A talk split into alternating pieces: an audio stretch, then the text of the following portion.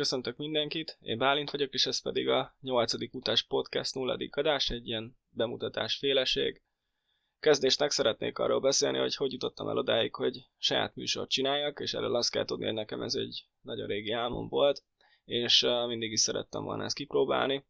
Aztán ez mindig halasztódott különböző okok miatt, és most jutottam el odáig, hogy, hogy úgy gondolom, hogy belevágok, és ehhez az is hozzájárult, hogy fél éves sportújságírás egy egyetemi feladat keretén belül el kellett készíteni a saját fél évi beadandót, ami számomra egy podcast volt, ami szerintem egészen jól sikerült, úgyhogy úgy gondoltam, hogy hosszabb távon is adok egy esélyt ennek a dolognak.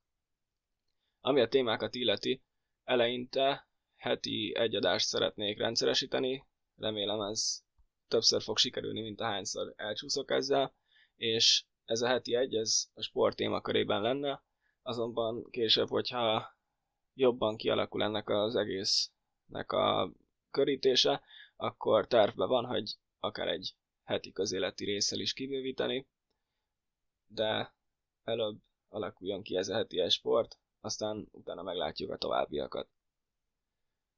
Hosszú távon szeretnék ezzel a műfajjal foglalkozni, és ezáltal minél jobban kitanulni is. És um, ugye szerintem hallható lesz, hogy elég kezdőszintről indulok, de remélhetőleg az idő elteltével fejlődök. Az pedig, hogy egyedül leszek-e vagy több emberrel, az váltakozni fog.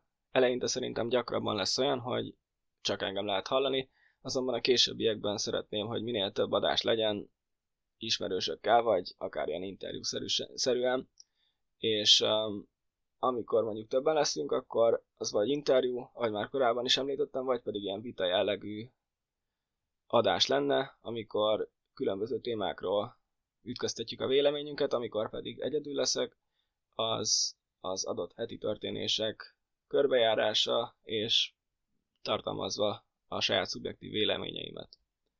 A logó, amit Soundcloud-on és Instagramon láthattok, az egy elég ideglenes és kezdetleges logo, amit én készítettem el, és um, ez a későbbiekben fog még fejlődni, illetve lehet, hogy lesz egy sokkal profibb is a közeljövőben, de ez még nem biztos, és még nem is aktuális, úgyhogy uh, addig is szerettem volna valamit, amivel el tudom kezdeni a projektet, és végül ezt találtam ki, de ebben is van még hova fejlődni.